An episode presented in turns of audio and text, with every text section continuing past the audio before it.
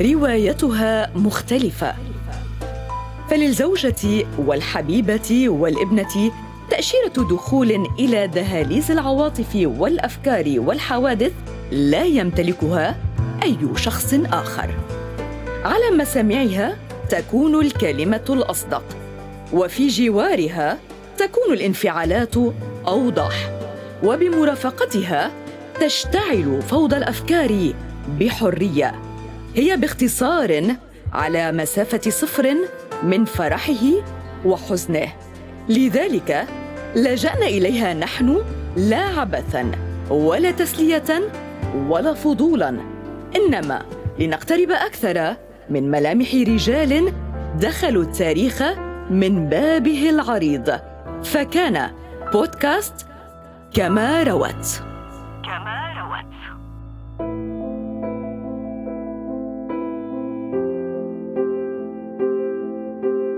تودعه وهو في طريقه إلى الإعدام شنقا. موقف صعب ترويه بنظير بوتو عن وداع والدها الأحب إلى قلبها ذو الفقار علي بوتو رئيس باكستان وأكثر الشخصيات جدلية في تاريخ تلك البلاد في ستينيات وسبعينيات القرن الماضي. للأسرة حضورها الإقطاعي بداية ثم السياسي في وقت لاحق فاريقت دماء كثيرة. تعددت التوصيفات والموت واحد. اغتيال أم إعدام؟ لا فرق. من كان يجب أن يدين بالولاء لوالدها ذو الفقار علي بوتو هو من أرسل جنوده في منتصف إحدى الليالي لإسقاط حكمه. تروي بنظير بوتو في كتابها ابنة القدر. And I know that the best memory to him would be trying to implement his vision of Pakistan. إنه ضياء الحق. رئيس أركان القوات المسلحة الذي عينه ذو الفقار في منصبه عام 76 والذي حكم باكستان فيما بعد. تصفه بالمتهور الذي عزل والدها في زنزانة الموت بعد أن نفذ انقلابه عليه موجها اتهامات عدة له كابتعاده عن الممارسات الديمقراطية. ومع ذلك تقول بنذير إنه لم يتمكن من القضاء على الروح المعنوية المرتفعة لوالدها. إنه الثاني من نيسان إبريل. جاءت والدتها فجأة إلى غرفتها منادية إياها باسم الدلع العائلي. بينكي هناك ضباط في الخارج يقولون إنه يجب أن تزور كلتانا والدك اليوم. في قرارة أنفسهما كانتا تعلمان حق العلم ماذا تعني هذه المنادات السريعة والمفاجئة للزيارة. ومع ذلك لم يجرؤوا على الاعتراف صراحة بما فكرتا فيه. وعلى الفور بعثت بنظير برسالة مستعجلة مفادها أن موعد إعدام والدها قد اقترب كثيرا. رسالة إما انها أضاعت طريقها فلم تصل إلى مسامع المعنيين وإما وصلت ولكن بقيت من دون صدى. انه ما هناك في أروقة السجن. ذو الفقار وزوجته نصرة وبنظير لماذا أنتما هنا؟ أهذا لقاؤنا الأخير؟ أعتقد ذلك فما كان منه إلا أن نادى مراقب السجن الواقف إلى جوارهم لسؤاله أهذا لقاؤنا الأخير؟ أجل هل حددوا الموعد؟ غدا صباحا في أي وقت؟ في الساعة الخامسة بحسب أنظمة السجن ما الوقت المسموح به للبقاء مع أسرتي؟ نصف ساعة ولكن بحسب نظام السجن يحق لنا بساعة. نصف ساعة. هذه هي أوامري. إذا جهز لي ترتيبات الاستحمام والحلاقة. فالعالم جميل وأريد الرحيل عنه وأنا نظيف. بقلب يعتصر تقول إن نصف الساعة المخصصة للوداع لم يكن كافيا قط. وكيف له أن يكون كذلك؟ وهي التي رأته هذه المرة من وراء القضبان على خلاف المرات السابقة. كان نحيلا مرهقا من جراء جوع وملاريا.